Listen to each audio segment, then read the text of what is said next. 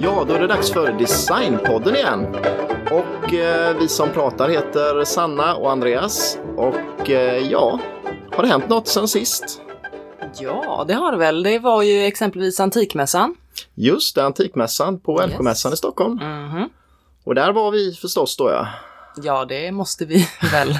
Ja, eh, men vad säger vi om mässan? Ja, alltså jag har inte jättemycket att säga. Det var min första mässa Mm. ever. Ja, Jag eh, hade inte så höga förväntningar.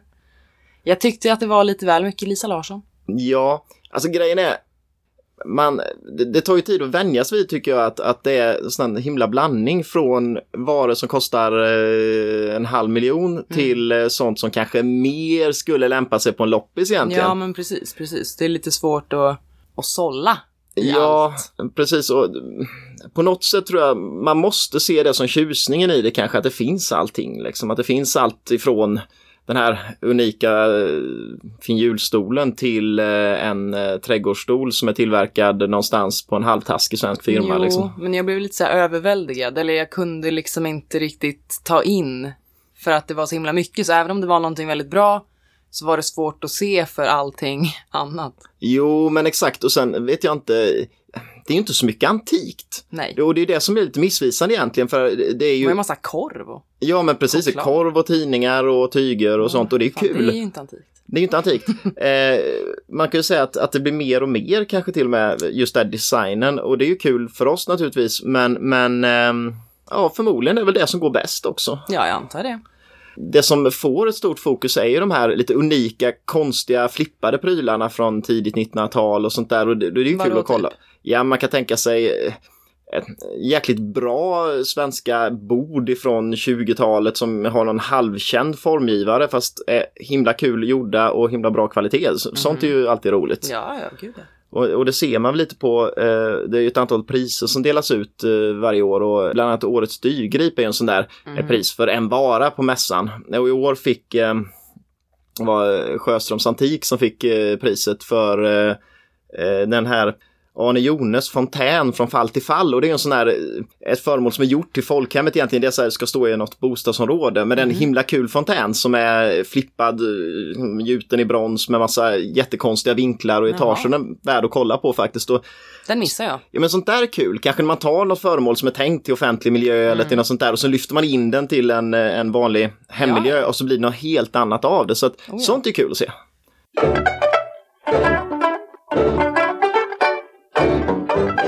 Nej, men vi ska väl egentligen kasta oss rakt in på, på eh, kväll, kvällens ämne helt enkelt. Som är. Som är, eh, ja, Yngve Ekström faktiskt. Yes. Det är ju lite kul också för att det här blir ju en kontrast till förra veckans ämne för att då var det ju Greta Grossman och hon var ju mycket den här hängde i de fina salongerna i Stockholm och, och rörde sig med kändisar och sådär. Ja. Yngve Ekström är motsatsen till det. Han är liksom Ja. så arbetargrabben från Småland som, eh, som blir något stort men som... Eh, Inga spoilers. Inga spoilers. Nu. Så att egentligen så, och nu är det en smålänning också så vi måste lägga stor vikt vid det här nu. nu, nu Jag lovar. Yes, nu kör vi på här. Yes. Ja, jag ska då börja med att snacka om eh, Yngves uppväxt i Småland då, som du redan har sagt. I Småland.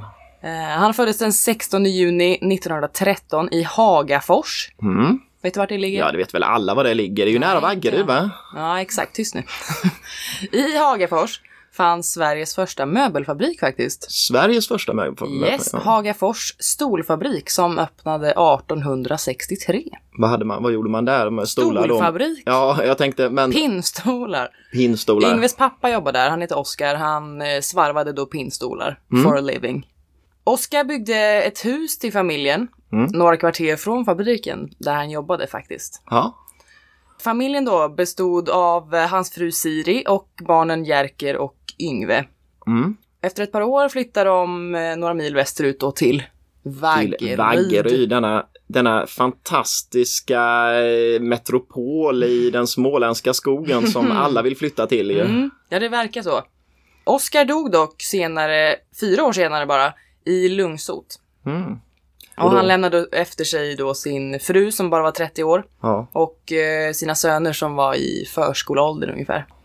så att då blir de liksom faderslösa redan när de var små. Där. Ja, ja, det är ju tidigt.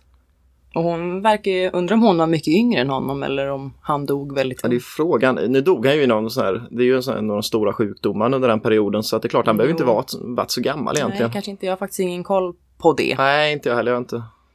Bröderna började i alla fall jobba på fabrik redan vid 13 års ålder. Yngve jobbade på ett sågverk.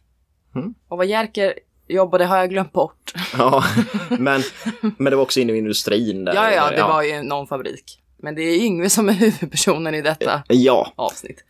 Och efter ett par år blir han eh, snickarlärling på A.E. Gustafssons, som jag inte riktigt vet vad det är. Men det står att det också kallades för Piedestalfabriken. och då gjorde man kanske pedestaler. Ja, men bara. Det känns väldigt inriktat, men det kanske man gjorde. Ja, jag vet faktiskt Det var inte stort det då heller. med pedestaler. Ja, det gillar jag. Ja. Yngve i alla fall, han eh, ritade och pysslade mycket som barn och på foton så syns han med så här små prylar som han har limmat ihop från eh, så här delar han har skickat hem från eh, dåtidens Clas Ohlson typ. Aha, så, Så han, han, var så. såhär, ja han pysslade ihop eh, små modeller och Ja, whatever. men- Tyckte han var kul. Ja, Hans ensamstående mamma då. Så att hon heter Siri, heter hon Ja. Sigrid? Har du, vad har du skrivit Nej, vad jag- hon heter? Ja, jag har ju Jag har fan slarvat. skrivit olika. Hon heter Siri eller Sigrid. Ah. Sorry folks. I alla fall. Hon eh, var ju då ensamstående med två små kids. Och hon eh, hade eh, som jobb en matservering i huset. De Hemma då? Ja. Så, Var det till de som jobbade? Typ, ja så- men precis, Ja. precis. Så då serverade hon liksom alla dagens mål. Jaha, eh, hela så här, eh, man kunde få liksom alla mål. Ja, ja, de kom ju liksom flera gånger om dagen då och käkade alla mål. Och Och det är det man kunde vara som mest 25 personer om I dagen. hemmet. Ja, om dagen då, men det blir ju Det är ändå... mycket ändå. Och sen, men det är klart man hade långa arbetsdagar också så det krävdes flera mål. Ja, som under dagen. gud, ja. Så det var liksom uppväxten de hade. Da, morsan hade servering i köket liksom, eller ja. Och de var ute och jobbade på fabrik. Och det känns verkligen som att hanka sig fram med de medel som går. Och det är klart att de Ja, börja ja. jobba tidigt för att eh, kunna försörja, ja, försörja familjen, även att de bara fortfarande var barn egentligen. Oh, ja. Sen blir det ett litet hopp till när Yngve var 18 år. Det, jag hittade inte så mycket om vad Nej, som hände Nej, mellan men jag har 13 och fattat som 18. att han, han jobbar på. Ja, han gör enkelt. antagligen det. Men vid 18 års ålder i alla fall då, så tar han eh, distanskurser i teckning och akvarell. Ja, Och han visar snabbt talang med sina porträtt av bland annat Gandhi och Lenin. Och han får betyget mycket bra. Jag vet inte om det är typ ett MVG. ja men typ. Men man har ju sett vissa bilder på, på, ta- på så målningar han har gjort och teckningar och de är ju faktiskt riktigt bra gjorda. Han Mm. Ja. hade talang för målning också. Det var inte bara det här med möblerna som kom sen utan han var ju verkligen duktig. Precis, och det är en liten kul anekdot ändå. Ja, Hans lärare då på de här kurserna såg till att han fick plugga vidare Mm. på en så kallad eh, fortsättningsskola. Så då pluggade han eh, tre gånger i veckan på kvällstid. Sen. Jag Ja. vet inte riktigt under hur lång tid. nej men det var ut- utöver jobbet så blev det fruktansvärt långa dagar. Ja, han var ju driven och höll på hela dagarna. Yngve blev eh, tidigt bildhuggare Mm. faktiskt. Först var han anställd på en möbelfabrik och sen eh, frilansade han. Han hade en egen verkstad i källaren på huset och sen ett ateljéhus på gården. Mm. Vaggeryd var då på 30-talet, hör och häpna, ett centrum för eh, möbeltillverkningen i Ja. landet. Med hela 16 företag inom möbelbranschen Mm. i den lilla... Ja, vad säger Ja, man? men det är ju en liten ort, men eh, då var det ju Jag knappt... tänkte säga Håland, men det Ja. får man inte. Nej, det säger vi inte Nej, nej, nej. Om dessa småländska fina orter. Gud nej. I alla fall, en, en bildhuggare då, kanske man ska ta upp vad det är. Ja, för det för- visste inte jag. Nej, alltså är inte, för då tror man bara man gör liksom så här bilder. Men det låter ju som någon som typ hugger i sten Ja, och gör lite... lite så här kul porträtt Ja. på väggen. Nej, det är och ju inte det är det. ju inte så nej. Det är alltså när man skapar skulpturer och utsmyckningar i olika material. Oftast trä. Ja, i det här fallet var det väl till möbler? Ja, ja, det är ja. eftersom att det var ju Mm. den industrin som var stor. Så det var ju ornamenten liksom. Och det var till de här stilmöblerna som man ofta ser från den perioden idag, va? Som, som alla hade. Det var liksom det enda Ja. som såldes först Det under var den perioden. populärt ja. Så det var, det var ju stor... eh, efterfrågan och... Efterfrågan på just bildhuggare då. Ja. Yngve drogs tidigt till frikyrkliga aktiviteter faktiskt. eh, För där kände han att han eh, träffade likasinnade och fick stimulans. Mm. Eh, I Missionskyrkan träffade han faktiskt sin kommande fru Beritta. Aha. Hans bror däremot, lite kul att ta upp, Jerker, han tydde sig dock till andra aktiviteter Jaha. som politik och kommunisterna. Aha. Och då var han ju inte religiös. Nej, Det... det var lite motsatser. Som eh, 20-åring drabbades Yngve av en eh, livskris. Jaha. Han blev deprimerad och hamnade på sjukhus utanför Nässjö. Mm. Har du också stenkoll på? Ja, jag är ju från Nässjö så att det är klart. Typ. Men jag har inte suttit på något, någon institution i Nässjö. Nej, inte än. Nej, det är sant. Han var i alla fall tyst och stum i flera veckor tydligen. Eh, och eh, genom livet eh, återkom de här depressionerna Mm. varvade med maniska perioder. Mm.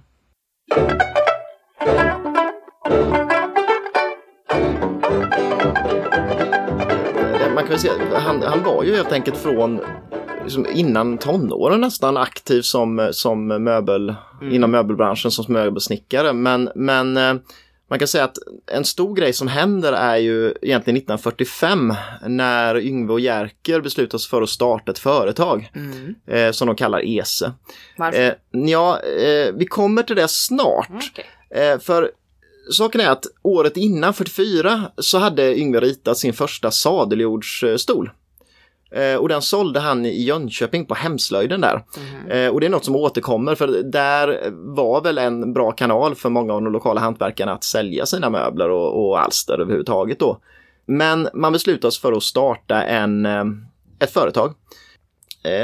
Egentligen var det nog inte så genomtänkt. Utan ett mantra som återkommer hela tiden är det här, ah, vi, vi, vi får se hur det går. Eh, så visade det sig. Det Och, ja men det är ju det på något sätt och det ger ju hopp till en själv för att man har ju lite, ibland lite den där, ja, allt kanske inte är jätteplanerat hela tiden men eh, man registrerar det här företaget och säger att man ska idka försäljning och tillverkning av vil och kompletteringsmöbler. Mm, det var lite snävt. Ja, man hade kunnat säga tillverkning av möbler, men det gör man ju inte då. Då tänker man kanske just i och med att Yngve har ritat då de här vilstolarna och det så, så är det väl lite det man vill inrikta sig på redan från början. Mm. Eh, och då har de sagt då att vi saknade vissa saker. Saknade planering, kapital, utbildning och strategi. Allt. Ja, det är ju ganska graverande ändå. Eh, och sen så var ju dessutom då, som vi har kommit in på redan, Jerker och Yngve eh, var ju väldigt olika som personer. Eh, medan då Jerker var en bromskloss lite, har han beskrivit som, eh, och var mer ängslig. Medan Yngve ändå var gasen här och det kanske byggde lite på den här manin som återkom med jämna mellanrum. Han ville få saker gjorda, han ville Ja. att det ska hända någonting. Så att om man kan säga att förutsättningarna på pappret var lite halv si och så va. Så um, hade de ju ändå ett antal saker som var viktiga här. Och det var, de hade 20 års erfarenhet av hantverk. Mm. Och det är ju naturligtvis en grundförutsättning. Och sen hade de den här faderslösa uppväxten och, och det gjorde väl att de hade en gemensam, de är vana att slita och täcka upp för varandra och sådär. Och, det- och, och det spelade väl in att man orkade med det som krävdes för att kunna starta ett företag Mm. under 40-talet. Och sen hade de en sak till som är nog så viktig här. och De hade inget att förlora. Nej, just det.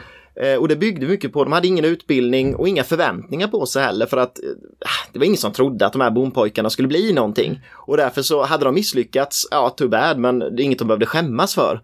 Och där har de ju gemensamt med till exempel Erling Persson som startade eh, H&M och Ingvar Kamprad framförallt också som, som startade eh, Ikea. Det, var, det här är personer som verkligen, de hade inga förväntningar på sig, startade från noll och sen verkligen byggde upp något stort. Mm. Oh, ja. Och det är ju inte helt sant att de inte hade kapital. För de hade 500 spänn var. Och och det, det är ju, visst det var 45 men det, ändå 500 kronor var inte sådär jättemycket pengar. Så att Nej, det, det det räckte ju inte direkt. Så då tänkte de att äh, men vi, vi åker in till Sparbanken i Vaggeryd så kommer vi få pengar. Fick de inte. Nej, de fick inga pengar från Sparbanken. Så då molokna drar sig därifrån och eh, Yngve har väl beskrivit det där lite som att han kände verkligen att han inte var betrodd och det, var, det, det tog hårt det där men de ger inte upp där utan att ta på finkostymen, åka in till Jönköping och åka in till Handelsbanken. Och vad hände där då? Där händer det. Yes, för där tror man på dem. Och efter det så åkte aldrig Yngve in till ett sparbankskontor igen i hela sitt liv. Mm. Hur mycket ju, lånar de då? eh, jag vet inte faktiskt, men tillräckligt mycket för att dra igång verksamheten. Kan det vara? Ja, det var nog inga stora pengar egentligen, Mm. men betydligt mer än den där tusenlappen i alla fall. Jag antar det. Och man kan väl säga någonting om det här med, med eh, företagskulturen i, i, eh, i Vaggeryd för att den såg lite annorlunda ut än vad man tänker på företag idag. Mhm. Eh, för att man hade en tradition av arbetarägda fabriker i Vaggeryd. Eh, och det baserades ju på att de som jobbade där också ägde fabriken. Ja, okej. Eh, och där startade det 1926 med att den första eh, arbetarägda fabriken eh, grundades. Och den hette Vega och då var det tio arbetare som ja, slog sig samman och startade en fabrik. Och sen så startade andra fabriker där det var Rex, Vasa, Hermes, Balder, Brage. De hette massa så här fornordiska kopplingar. och det, Ja, det verkar så. och det finns ingen förklaring till varför de hette det riktigt, men de gjorde det. Det lät väl kul. Ja. Sådär. Och själva grunden där var satsa en tusenlapp och sen så jobbar du gratis i sex månader och sen hoppas man att det går runt. Jaha, det var spännande. Ja, och, och målet var ju inte som det är idag, liksom att du ska starta ett IT-företag och sen så efter sex månader ska du sälja det till Google för eh, en miljard. Utan det var ju lite så här att, eh, ja, försöka att, eh, ja, inte att bli rik utan hanka sig fram och framförallt klara krisen under 20 och 30-talet för det var ju otroligt svårt att, att få jobb. Och eh, var kanske det enda sättet att, att få arbete helt enkelt. Mm. Och man ska väl förstå att det är lite ur den traditionen då som ESE möbler är, eh, är grundad. Och, och just det här med ESE, det, det, det beror ju på att jag egentligen har inte hittat någon klock, alltså så här att det verkligen uttalat beror på det, men det kan inte finnas någon annan förklaring. Det är ju att det är ju två Ekström här, det är ju Yngve och eh, Jerker. Mm. Och sen slår de sig samman med en eh, kollega som de har jobbat ihop med innan då som jag heter, hette då Bertil Sjöqvist och eh, S då, så ja, det måste ju vara ju Ja. Ekström, eh, Sjöqvist Det Ekström. då. låter ju logiskt. Ja. Efter ett tag så blir de fyra i det här företaget när en Bertil Johansson ansluter också. Men de har ju inga anställda utan eh, de har den här arbetarägda traditionstanken att, att eh, ja, det är vi som äger och det är vi som gör jobbet också. Mm. Och man kan säga att från början var ESE lite av en ja, modellverkstad för Yngve, eller en så här experimentverkstad för att han, han ritade och sen så ja, byggde de andra möblerna. Och eh, gick det bra direkt från början då? Antagligen inte. Nej, det gjorde det ju inte förstås, utan eh, Yngve försörjde sig som bildhuggare trots att han eh, eh, jobbade och tog fram möbler. Mm. Eh, och det var väl en ganska viktig grundförutsättning, alltså man behövde pengarna från de gamla klassiska stilmöblerna för att kunna ta fram moderna möbler istället. Och eh, under den här perioden, redan 45 då, så ritar Yngve två stolar som man kallade Anders och Per. Eh, och det är hans första två vilstolar egentligen som eh, ESE börjar producera. Mm. Eh, och de eh, får ju ganska stor betydelse för att det här han sätter lite där Stilen. ja, stilen, formspråket i de här, alla de här stolarna som kommer efteråt. Ja. Eh, och det är ju en, en, eh, liksom en sadeljordsstol, vilstolsmodell som påminner mycket om kanske eh, ja, Bruno Mattssons eh, möbler och så, men den har pinnstolsbotten då. Och det kan man ju förstå att det beror mycket på den här pinnstolstraditionen som finns i Vaggeryd och det hans pappas tradition Mm. också med pinnstolarna. Så det är lite en hybrid av, eh, av eh, Bruno Mattssons stol och en pinnstol. ja, just det. Och de här såldes via Hemslöjden i Jönköping också, de, de stolarna. Eh, och eh, ja, det där med Anders och Per, jag letade lite och jag hittade, så det var en kompis till dem, hade två söner som hette det, så det var därför han kallade stolarna Det var det. fint. Ja, sen, men eh, det var ju hantverksstolar va? Och man säger lite elakt ibland om, om hantverksstolar att, att eh, de är eh, eh, dyra, de produceras i liten skala och det blir nästan ingenting kvar till hantverkan när väl alla omkostnader är dragna. Så att det är rätt svårt att producera på det sättet. Eh, och dessutom hade man problem med en sak till och det var att eh, de här stolarna kopierades ganska direkt eh, av en annan lokal firma som gjorde plagiat. Nej. Jo, Och det är ju ett problem, eh, på, den tiden det var ju väldigt svårt att rättsligt försöka göra något åt det, utan det var bara att bita i det sura äpplet. Eh, och hemslöjden dessutom, då en dag när, Yngve åkte in till Jönköping och ska kolla, då ser han att det står stålrörsmöbler i fönstret och inte hans trästolar. Och då börjar han bli orolig också och tänka att fan, de här liksom, funkismöblerna börjar komma nu och vi kan inte göra stål och hur ska det här gå? Eh, Jerker blir dessutom sjuk under den här perioden, han får blödande magsår för att han har jobbat alldeles för hårt. Eh, och ja, det, det är väl här de, jag tror att det, det, det känns som de har övervägt att var det här en bra idé verkligen? Och eh, Yngve funderar på att "Ka- kanske ska ge pianolektioner istället och skita i det här. Men, men Mm, Det var ju något helt annat. Ja, så att han har många strängar på sin lyra också Ja, för att han är, så. det gör han ju faktiskt inte. Han, de struntar inte i det här utan de betar på men det är ju, Mm. det är ju slitsamma år i början. Men någonting behövde göras. Och 1952 så beslutar sig eh, Yngve för att åka in till, eh, han åker upp till Stockholm. Och i bagaget har han en stol som heter Tema.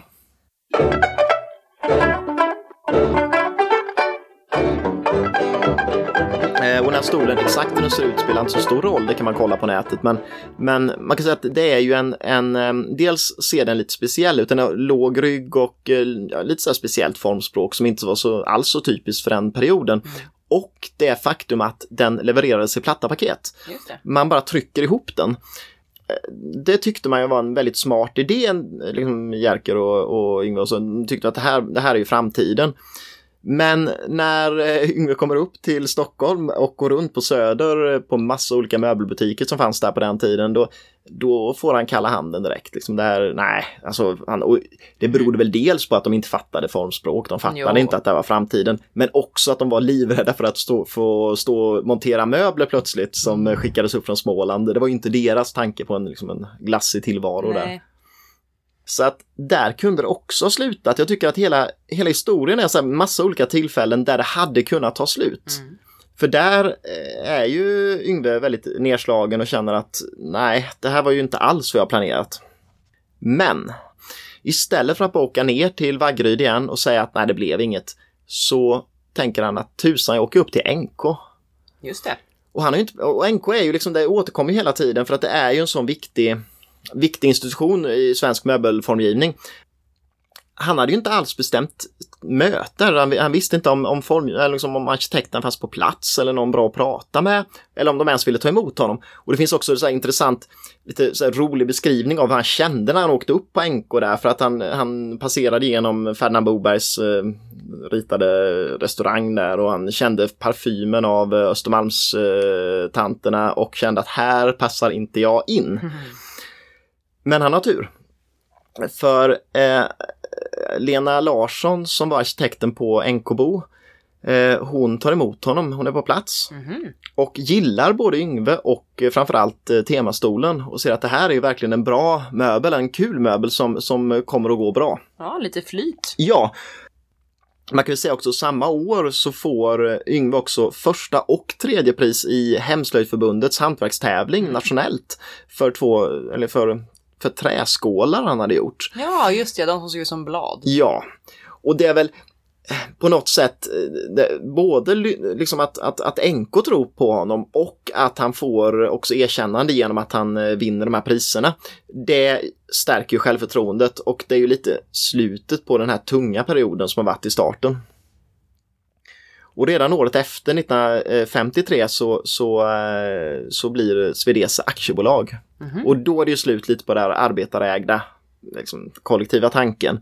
Eh, och Sjöqvist och Johansson de drar sig ur eh, företaget. Mhm. Och eh, en annan, en ny eh, investerare kommer in, en, eh, en fabriksägare, Hugo Eriksson, eh, som redan har en Intarsia-fabrik i Vaggeryd.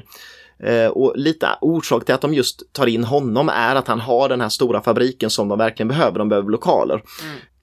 Eh, de flyttar in där och Svedese är faktiskt kvar i de lokalerna även att de har byggts om eh, genom åren och så, men de är kvar på, på den När här. ändrar de namn till Svedese? Ja, det är ju i, det här, i samband med det här för man vill kunna fungera utomlands också. Man tyckte ESE, det går inte så bra i Tyskland liksom. Så här, det, jag fattar, ESE, nej, nej, Nej, men det var dans.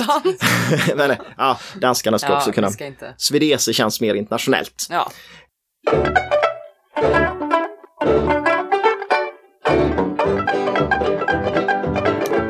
1953 så ställer man också ut på Möbelmässan i Stockholm och man får en separatutställning på NKBO. Eh, och där visar, eh, visas då möbler som temastolen och sen även kurvan som är en, en föregångare lite till Aminon där som, eh, men också, ja man börjar se det, man börjar se det formspråket. Eh, och palett, ett bord med palettformad eh, skiva. Under 60-talet så växer ju företaget enormt och man bygger ut.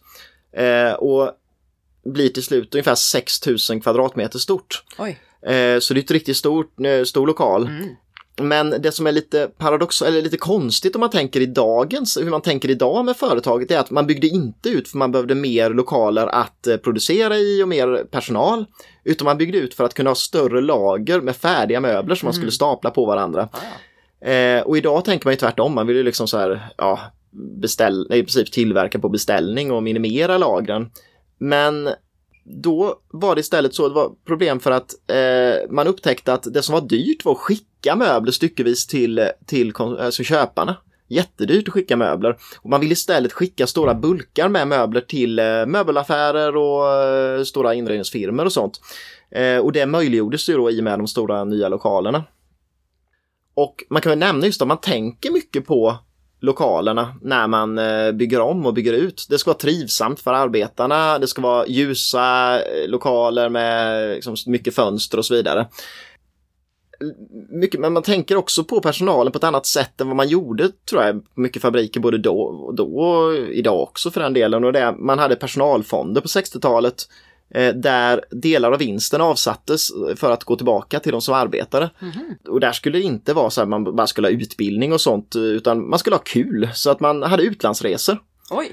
Och redan 1969 eh, så åkte man till Holland till exempel. Och det här uppmärksammades ju jättestort eh, i media för att mm, det hade väl knappt hänt tidigare. Nej, det... Eh, och man åker även till Italien 1972 och så vidare. Gud. Och um, det skulle handla mycket om kultur och jag menar, Yngve var intresserad av kultur och man kollade runt på museer och, och så vidare i de länderna man åkte till. Mm. Och tanken var lite också att man skulle besöka firmor som licenstillverkade Yngves möbler utomlands. Och det var bland annat i Holland på den här. Då har det varit en väldigt glad och, och lycklig period här men, men eh, 1968 blev det studentrevolt. Eh, det blev lite hårdare tid i samhället 68 och framåt. Eh, och eh, Vad är det med möbler att göra? jo, det har ganska mycket med möbler att göra på ett sätt. Dels för Yngve själv för att eh, Alltså Yngve kände ju att han inte hörde hemma riktigt i det här längre för att han, han var ju en företagsledare men han kände inte alls att han hörde till det svenska, SAF och Svenska Arbetsgivarföreningen och hela det här. Eh, utan han, eh, han kände att det ställde han inte upp på. Men samtidigt ställde han inte upp på det här eh, revolutionära liksom, strömningarna som eh, fanns i samhället. Eh, och därför blev han lite så här vilsen överhuvudtaget. Och Jerker måste känt sig också väldigt vilsen i det här för att han var ju företagsledare och arbetsgivare trots att han själv väl uppenbarligen inte alls hade de idealen. Eh, och sen fanns det just det där kopplingen till möbler. Det var att på, på 70-talet var det ju dessutom väldigt låg status att vara formgivare för du skulle inreda med gammalt och du skulle, inte, du skulle inte tänka på formgivning och ett snyggt hem och så vidare. Det var inte alls hög status. Nähä. Så på det stora hela så blev det väl att eh, allt det Yngve stod för på något sätt ansågs som någonting dåligt. Eh, och det gjorde ju att mm, det blev en lite tuffare period igen. Trots att Svedese gick väldigt, väldigt bra. Eh, och eh, därför så när eh, Yngve och Jerker börjar komma upp i 60-årsåldern i början av 70-talet, de känner att de vill sälja företaget. Mhm. Och det finns ingen, ingen i familjen som vill ta över eller som kan ta över heller för att skattereglerna gjorde att det var ganska svårt att ta över ett familjeföretag på grund av höga skatter där. Man, hittar, man, man söker efter investerare. Men många tycker att det är lite skrämmande också för trots att företaget går bra så är företaget i praktiken mycket synonymt med Yngve som person. Mm. Eh, och om han skulle sluta, då vet man inte vad man har kvar. Så att många vågar inte investera ändå, men, men till slut hittar man här Navigator då, som är ett, var ett investmentföretag som köper Svedese 1974-75 där. För hur mycket? Jag vet inte. Eh, förmodligen väldigt mycket pengar eh, i den, eh, liksom den tidens Mm. eh, mått mätt för att eh, Svedese var ett av de mest lönsamma företagen i Sverige när det gäller möbler. Jerker slutar ganska snart efter det i företaget men, men Yngve är ju kvar ända tills han dör 1988 så att han är ju en av de mest tongivande formgivarna hela tiden i företaget till Mm. sin död. Ägare eller inte. Ja.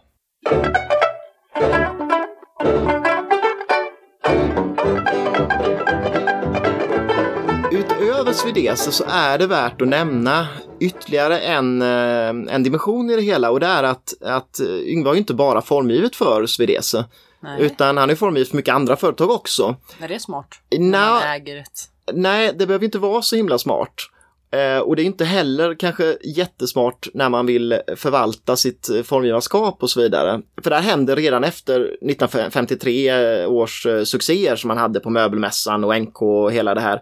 Då vill alla företag i Sverige nästan känns det som få honom att formge åt dem. Eh, det gör ju att han, han åker runt i Sverige och ritar möbler för mängder med olika små och medelstora företag. Och allt är väl inte så himla bra egentligen av det han gör där utan mycket är ganska spretigt och kanske sämre producerat och så vidare. Och det är väl därför han känner där efter ett tag att nej, jag måste försöka snäda, alltså snäva ner det här så att inte det blir, eh, alltså, jag måste få ordning på det här igen. Och det händer 1958 när fem fabriker knyter sig samman. Och det är ju Svedese, men det är också Källemo i Vaggeryd som gör skåp och bord och det är Stolab i Småla Stenar som gör pinnstolar just som är en sån här hjärteområde för, Mm. för Yngve. Eh, Broby i Sunne som gör sängar och bäddsoffor och Bjästa i Örnsköldsvik som gör skåp, bord och stolar. Eh, och de träffas 58 eh, på ett första möte i det här som de kallar Yngve Ekström-gruppen som blir de fem fabrikerna. Eh, och tanken där var att dels då rensa upp bland säljarna. Man vill inte ha för många ställen som sålde möbler eh, av Yngve Ekström. Men eh, sen i praktiken vet jag inte där att rensa upp bland säljarna. De hade tydligen, 1961 hade de 423 inredningsbutiker och möbelaffärer som sålde möbler. Så att eh, det är klart att det fanns väldigt många ändå som sålde. Och den här, eh, de fem fabrikerna, de hade mycket så, samordning när det gäller annonsering till exempel. Även att fabrikerna hade liksom egna avdelningar i annonsen och så visade verkligen att det var olika företag som producerade. Så var det ju, det var samma formspråk, samma typ av loggor och samma bilder. Och det berodde på att det var Yngve själv då som ritade loggorna, det var han som tog bilderna och det var han som gjorde annonserna. Så att han, han var ju liksom hjärnan bakom hela det här projektet. Det var ju både bra, men det var också något som inte riktigt höll i längden. Eh, och ganska snart egentligen, det är ju bara några år där, sen så hoppar två fabriker av, eh, Källemo och Bjästa, de, de vill inte vara med längre. Och mycket berodde nog på att det var svårt att hålla samman det här för Yngve klarade ju inte av arbetsbelastningen för det blev ju totalt omänskligt. Han skulle vara reklamfotograf, han skulle vara reklammakare, han skulle dessutom rita eh, nya modeller till alla de här fabrikerna varje år till möbelmässan. Det, det, det är ju totalt omänskligt så att Ja. eh, det här upphör. Men eh, Yngve fortsätter ju att rita möbler till de här företagen ändå men, men eh, inte på de här liksom, organiserade formerna.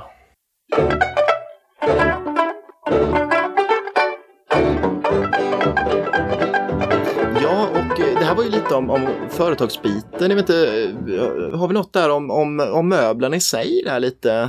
Ja, alltså jag tänkte ju snacka lite om Lamino då uppenbarligen. Ja, Men först, jag har en liten rolig anekdot Ah. som jag hittade. Som jag tyckte var värd att ta upp. ja, Och det är att det sägs att eh, bröderna Ekström var först med att utveckla och använda skruven och sexkantsnyckeln. aha. Vad tror du om det? Det låter intressant för att man tänker ju inte i huvudsak Yngve Ekström då, utan då tänker man ju på ett annat stort sånt där företag Ja, som eh, vi... Men eh, precis, vågar jag nämna? när- Nej, vi vågar inte nämna namnet för att, Ja. jo. Men, Jo, eh, men det är klart att, eh, att, att det här med platta paket och sånt också som de verkar Ja, jobbat väldigt hårt med. Det är precis. också Ikea, hela Ikea-konceptet liksom. Ja, så att det var ju väldigt snarlikt eh, det dessa höll på med. Men det tog man inte patent på då? Eller man Nej, det gjorde- var ju det de inte gjorde. Nähä. Och då var det ju väldigt svårt att bevisa någonting. Ja, det är klart.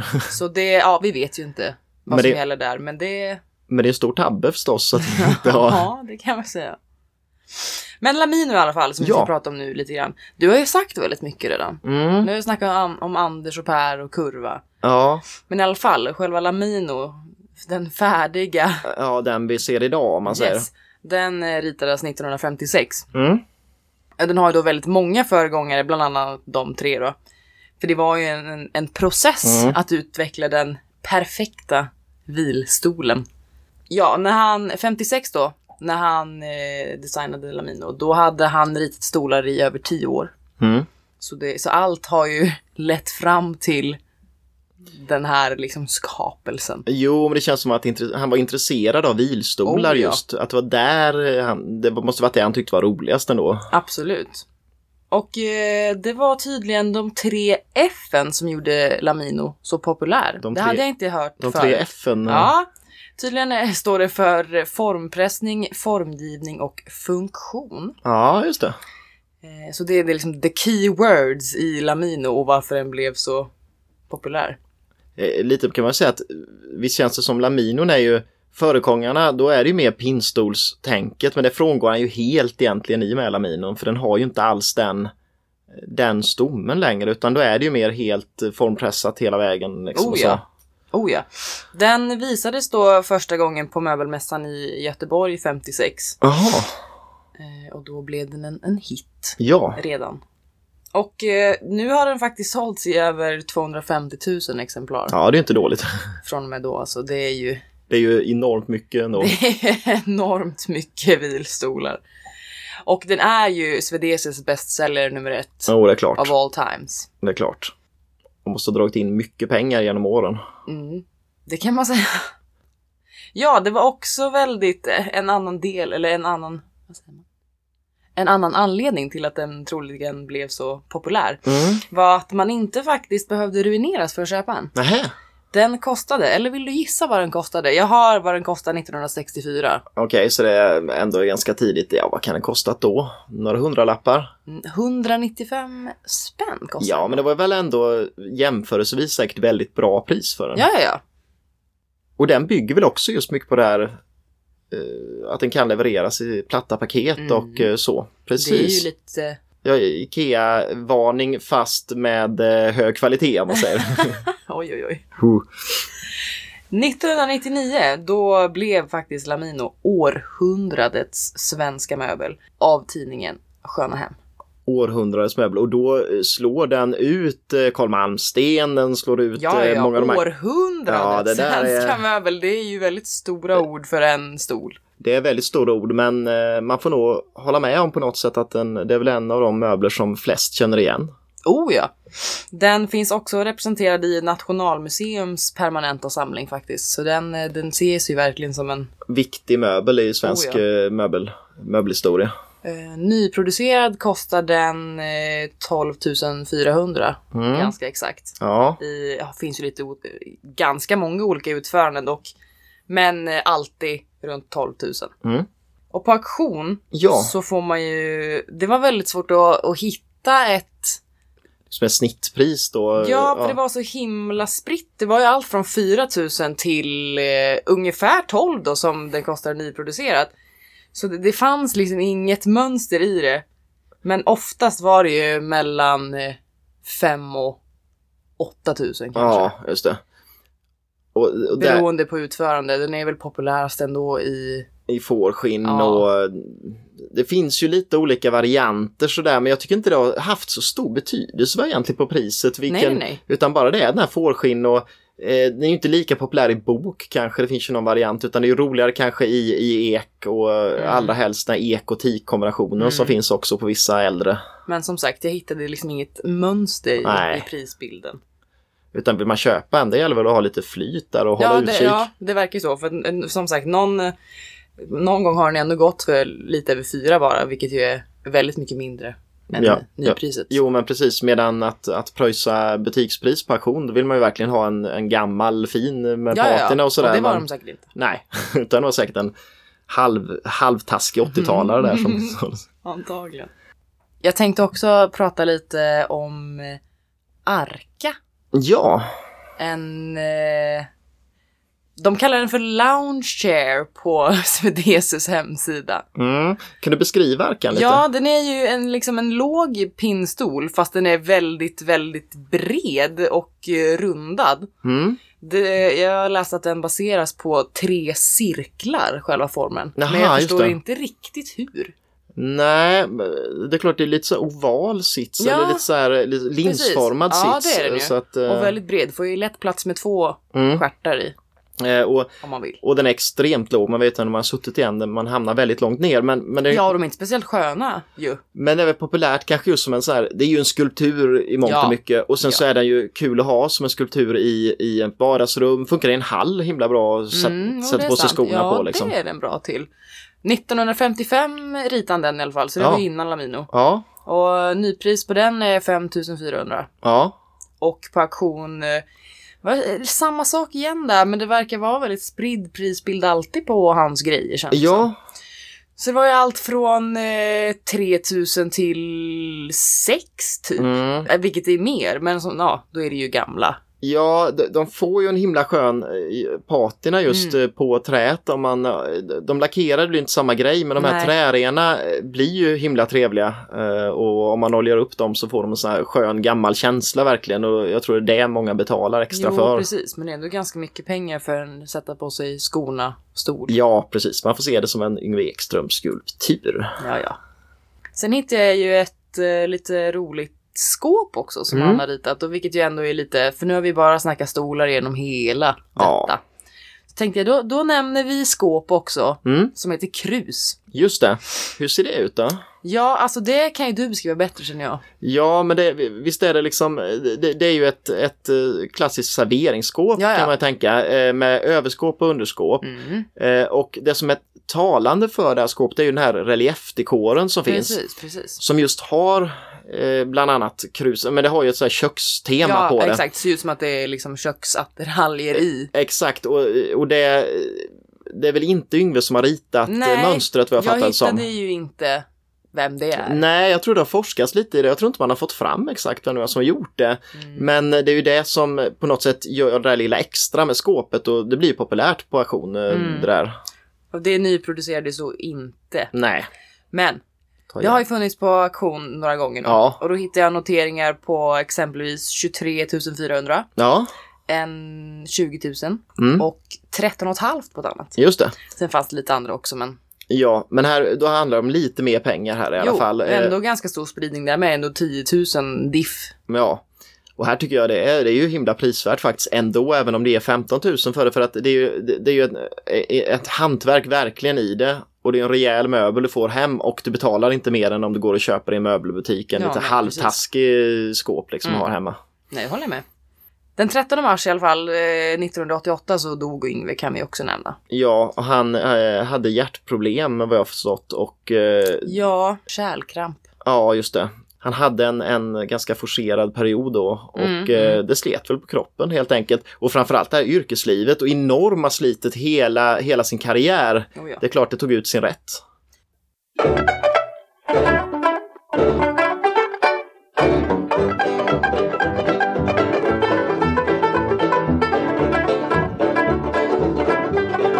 Ja, det var väl ungefär det vi hade om Yngve Ekström. En lite snabb sammanfattning av en karriär som naturligtvis är mycket mer än det vi fick fram nu.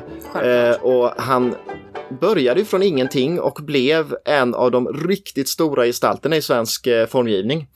Och det är ju imponerande, verkligen. Oh, ja. Och Svedese är ju än idag ett av de här företagen som verkligen är framåtsträvande eh, bland formgivningen. Och det Absolut. är alltid kul att kika på deras möbler på, på mässorna och så. Så det, Jag tänkte ju nu då ta ja, en lista en lista som nu ja. vi tänker göra till en återkommande Ja, punkt i, i, den här podden. Och, yes. Så det jag tänkte ta upp idag mm, i, i min lista ja, är de eh, mest eh, sökta designföremålen på Blocket. ja, men det är lite kul. Ja, och det här är lite statistik jag har från november 2016. Ja, Så det är ju väldigt nyligen ändå. Ja det är ju inte så jättelänge sedan alls. Nej, kan ju det hinna. Ja, det har ju garanterat ändrats lite. Men man ser ju ändå lite så här trenderna, vad letar folk efter? Och det är ju intressant att, att se. Precis. Eh, jag har 10 faktiskt. Ja, Men vi går, det, går, det går snabbt. ja, Punkt 10 i alla fall. vad kan det vara? Norrgavel. Norrgavel. Vad är de? Ja, de har just där mycket kring trämöbler också ju. Mm. Men har fått en modern prägel och det visar väl att de verkligen har nått ut eh, och eh, är himla populära. Ja, Mer verkligen populära än vad jag trodde ändå för Ja, att det finns mycket, mycket. annat som, som man verkligen kunde tänka att folk sökte ja. mer på. Oh, ja. Plats nummer 9. Ja. Floss. Ja, Belysning. belysning. Alltid. Ja, och mycket. Det, det, förstår jag. Det Ja. förstår jag. Nummer 8. Jetson. Inte alls förvånande. Nej. Möjligtvis förvånande att den inte var ännu högre upp. Ja, faktiskt. Det är ju en klassiker. Absolut. Plats nummer sju, Svensk Tenn. Svensk Tenn, ja inte heller jätte... inte alls Surprising. förvånande. Nej. Nummer sex är Hej. Hej.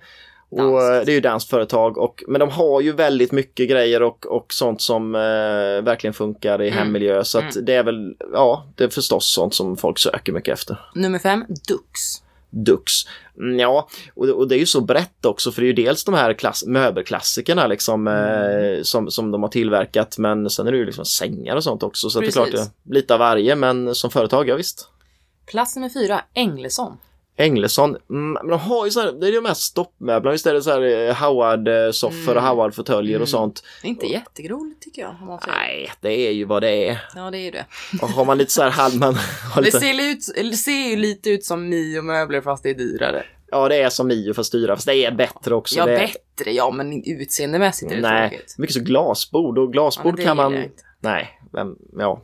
Om, Mång- vi, om vi ska ta upp mina åsikter. Nej, många verkar gilla glasbord men man hatar att bära glasbord, de går sönder och de blir väldigt fläckiga. Yes. Plats nummer tre. Ja, Har du en gissning? Nej, det behöver du inte. ja men nummer tre, eh, tre, tre, tre, vad har vi inte haft med? Klassisk Ja, det är svensk Carl Malmsten. man. Ja, men titta. Ja, Det var duktigt gjort, Gud. actually. Carl Malmsten är this. yes. Plats nummer två.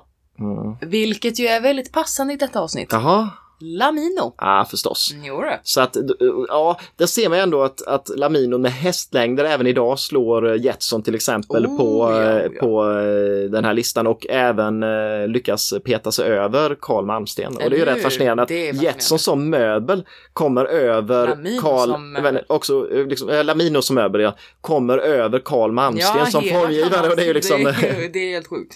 Plats nummer ett och lite otippad tycker jag. ja vad är det för något då? String. Stringhylla. Ja, Nils och Kajsa Strinning. Ja, det är ju faktiskt eh, väldigt förvånande då. Visst, det är ju många som tycker den är rolig. Det är ju Jo, kul att ha på, men- på väggen, men, men att den som enskilt objekt är toppar. överst på listan. Ja, det förvånade mig å det Mm. kraftigaste, men eh, ja, Fast man ser, man ser ju spridningen i den här listan. Eller det finns eh, typ varje del av hemmet i den här listan. finns representerade. Ja, men jag tycker det. Och man har de här exklusivare möblerna, man Mm. har eh, liksom italienska lampor, man har Mm. danska företag och man har, men ingen av, det är ju lite intressant i och för sig, att ingen dansk formgivare finns med Nej, på topp 10. faktiskt, Men, eh, Det är ingen som söker på Wägner och, och sånt men tycker där. man att det, tror man att det liksom går att hitta på Blocket? Nej, det då? finns ju rätt lite ute och eh, de som är beredda att köpa det är ju betydligt färre än de som vill ha en stringhylla. Jo, precis. Men då, jag skulle ju inte, alltså vill jag köpa en Wägnerstol hade jag ju inte gått in på Blocket. Utan i huvudsak håller man en auktion liksom, Ja. eller så. Så Absolut. det kan ju absolut vara det också. Ja, det är liksom man tänker att det inte är någon mening ändå. Ja. Kanske man vill ha en sjuan-stol, men det är ju inte så jävla... Nej, men den fanns inte med heller där faktiskt. Nej, det är fascinerande. Inte i november 2016, den är ju Nej. garanterat med då och då. Naturligtvis är de ju sökta massor, men eh, Ja. Blocket är ju en bra värdemätare ändå på vad folk eh, letar efter eftersom Ja, det, det är väldigt liksom- kul att se. Yes.